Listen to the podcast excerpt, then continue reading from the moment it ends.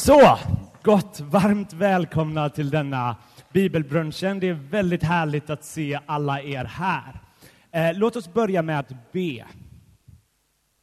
Herre, jag ber att du idag öppnar våra hjärtan, Herre, och gör oss mottagliga för ditt evangelium idag, Herre. Herre, jag ber att du ska öppna våra ögon så vi kan se skönheten av den visdom du har gett oss till hur vi kan leva som människor i denna världen, Herre. Herre, jag ber också för de som kommer idag med sår, eh, med, med, känner sig brustna med det här ämnet, Herre.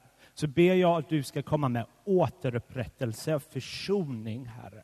Att du kan bryta kedjor, Herre. Så vi ber att denna stunden ska vara en stund som förhärligar ditt namn, Herre. Och att vi kan finna en förnyad glädje över vad du bjuder in oss till, Herre. I ditt namn ber vi. Amen. Jag är djupt tacksam att se alla er här idag. Och jag vet att det här är ett sånt ämne som, som är väldigt infekterat, just för att vi alla har ganska olika erfarenheter. Eh, vissa har sår, kanske från kyrkan specifikt. Kanske har ledare i kyrkan betett sig på ovärdiga sätt. Ni kanske varit med om saker och ting som har påverkat era liv. Och därför är jag djupt ödmjuk eh, och glad att ni kommer och vill lyssna på mina tankar. Och därför vill jag också säga att efter den här stunden så kommer det vara möjlighet till en frågestund.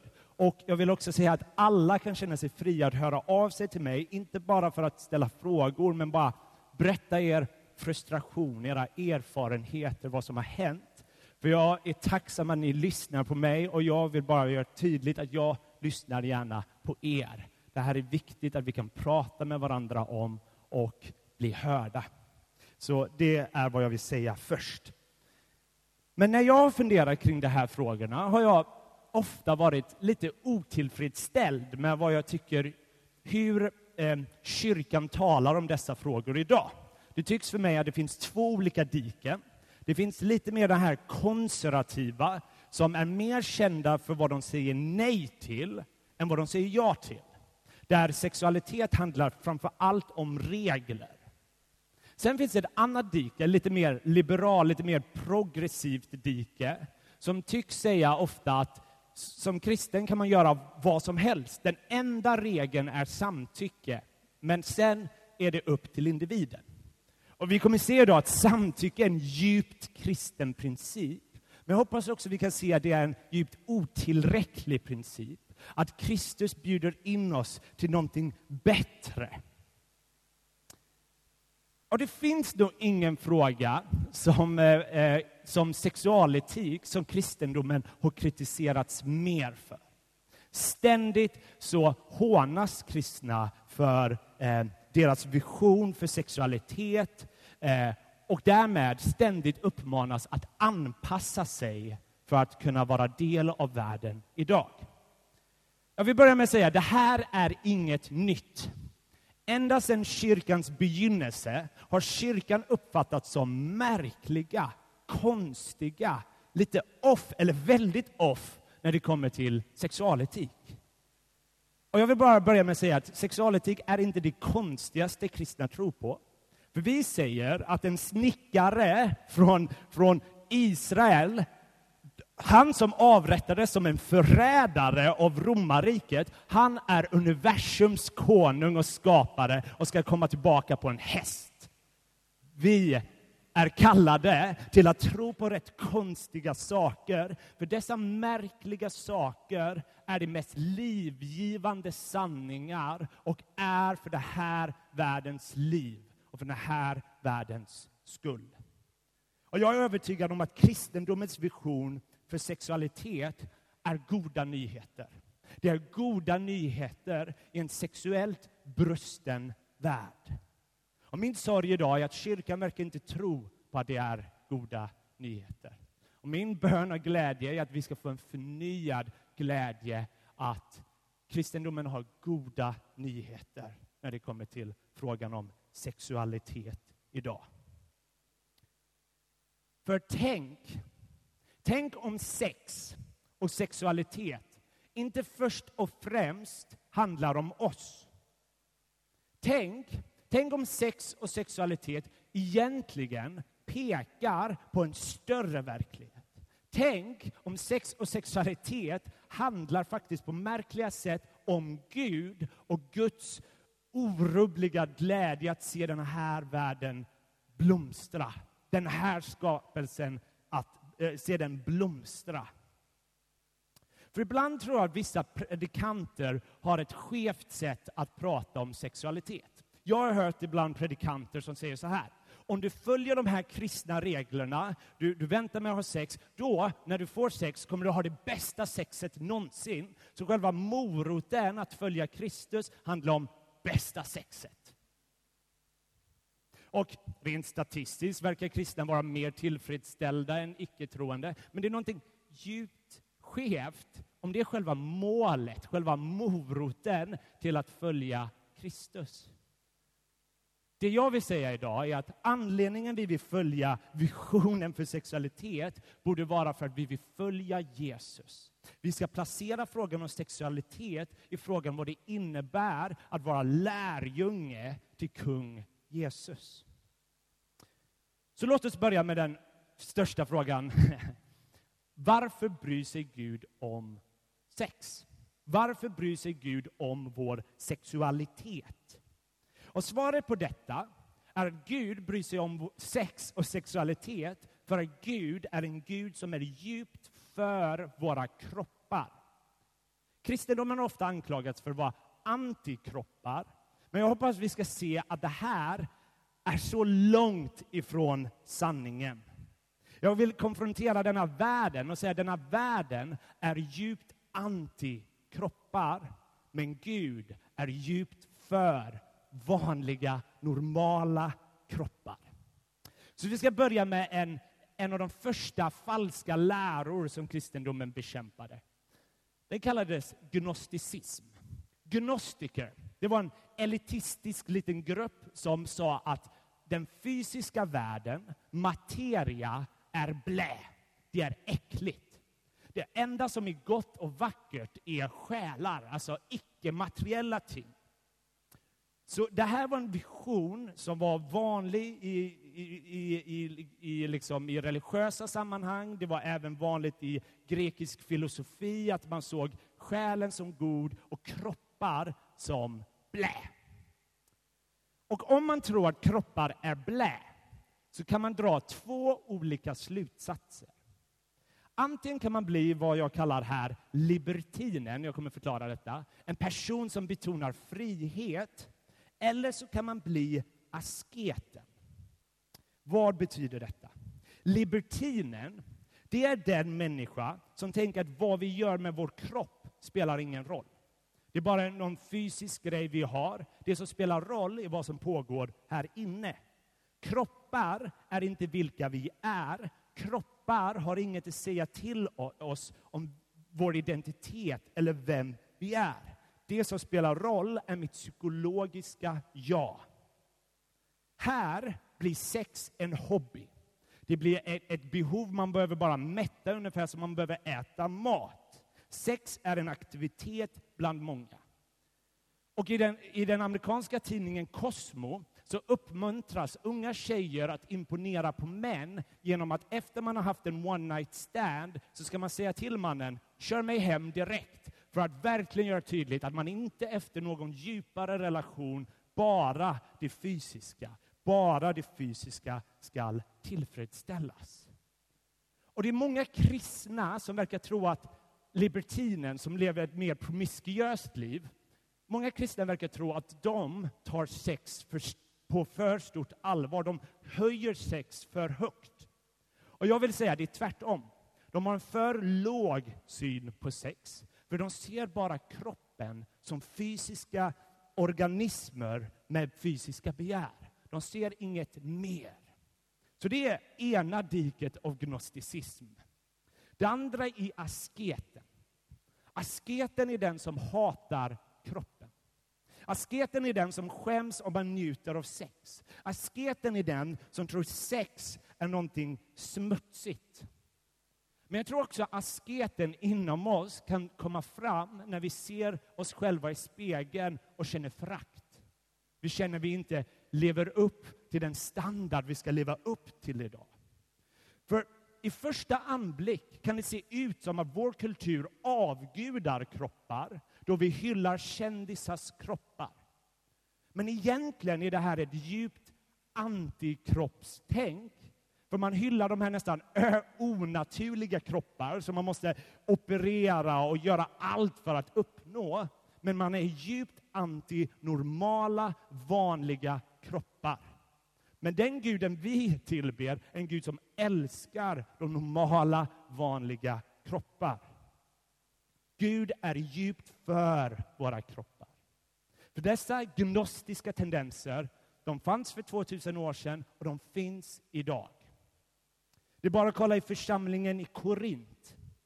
Paulus konfronterar båda dessa typer i församlingen i Korint. Paulus citerar några som säger så här. Det här är libertinen. Allt är tillåtet för mig. I sammanhangen verkar det handla om sex. Maten är till för magen och magen för maten. Låt oss äta och dricka, till morgon skall vi dö.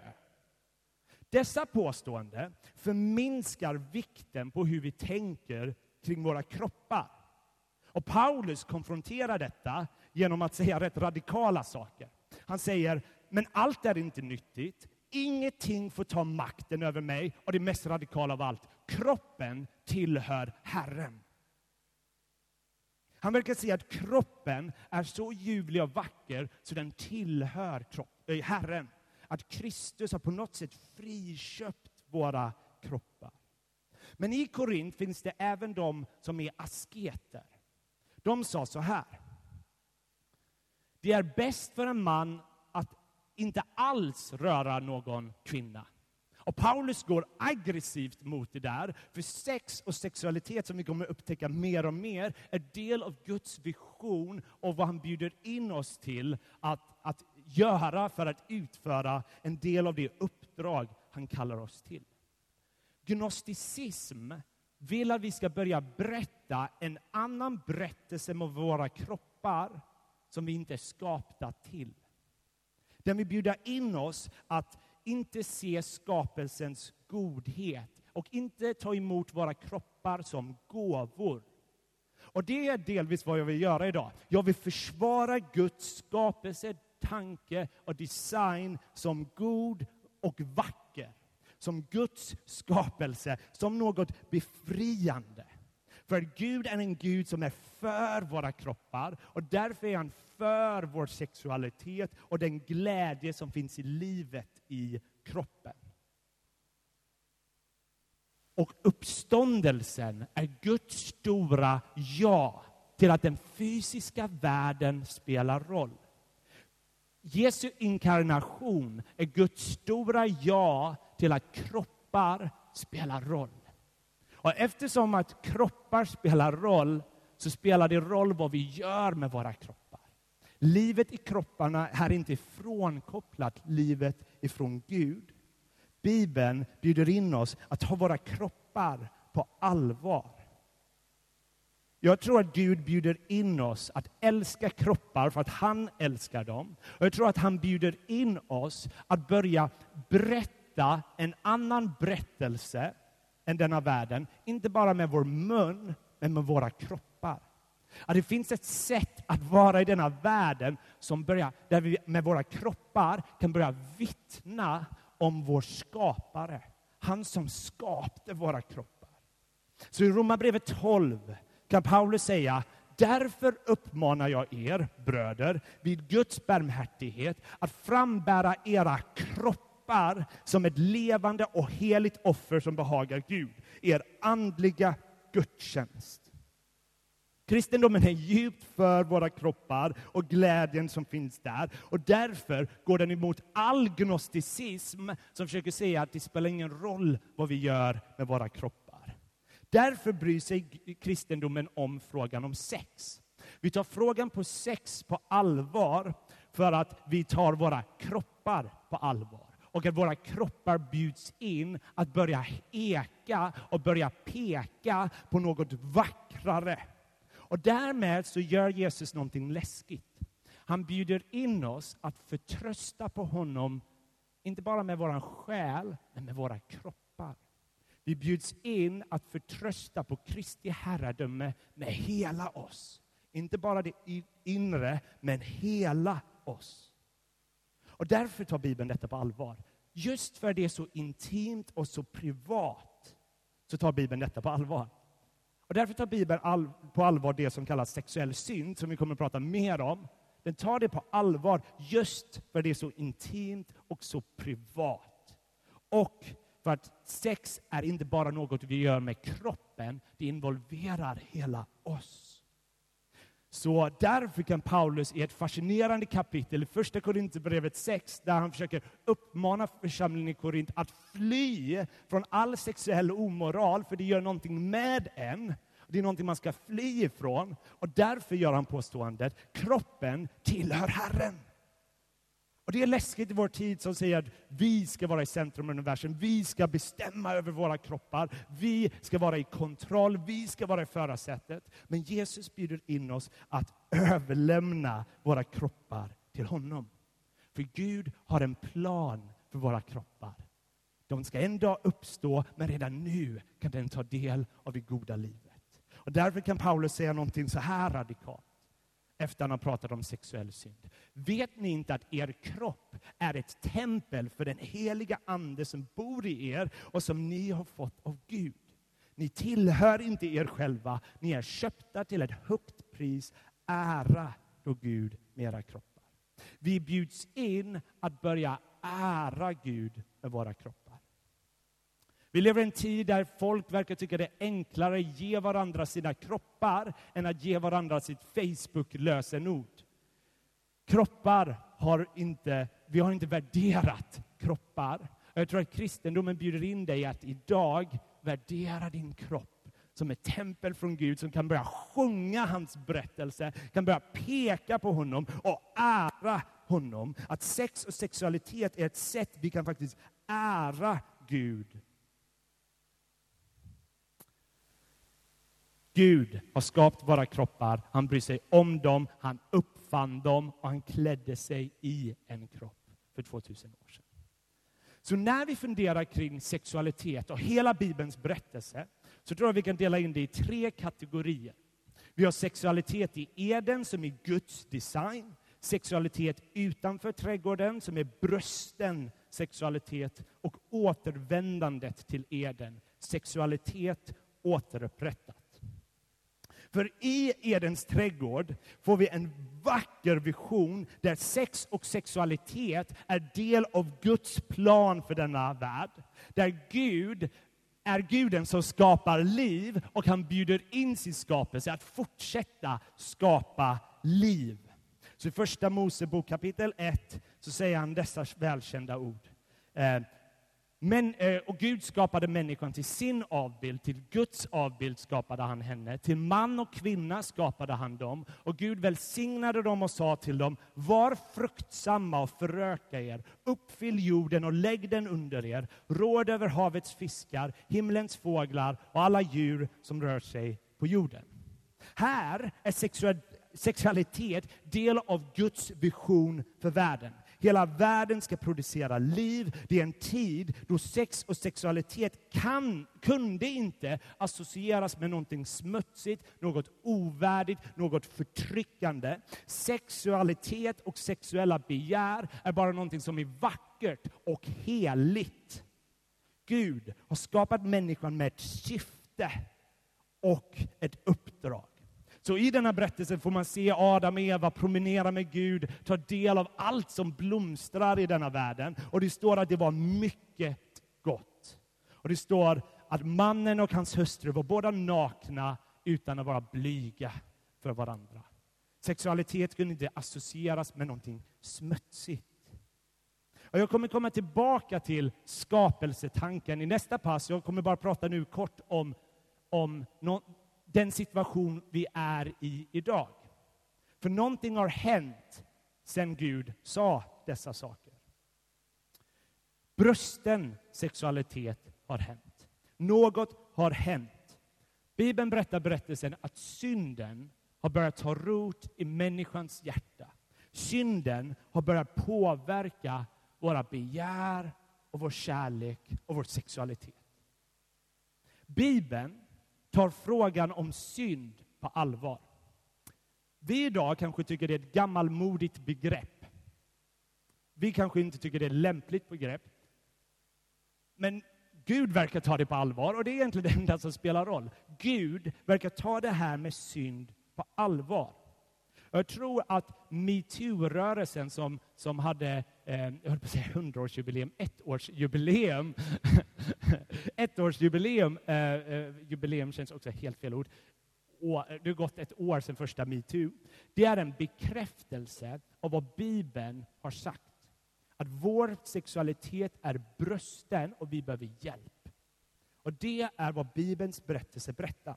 För Adam och Eva, de har allt de skulle kunna behöva. De lever i harmoni, de promenerar med Gud och, och de vet att Gud vill deras bästa. Men Gud ger dem ett nej och oändligt många ja. Ett nej, de får inte ta av en frukt. Men en dag så lockas Adam och Eva att Gud inte vill deras bästa. Gud sa att de, skulle, de inte fick äta av det här trädet. Och ormen, djävulen, betonar det enda nejet istället för alla ja. Någonting kristna har varit duktiga på att följa hans fotspår, att betona de enda nejen. Och plötsligt börjar Adam och Eva tänka, döljer Gud någonting från mig? Vill han verkligen mitt bästa med sexualitet? Vill han verkligen detta? Försöker han inte dölja det bästa från mig?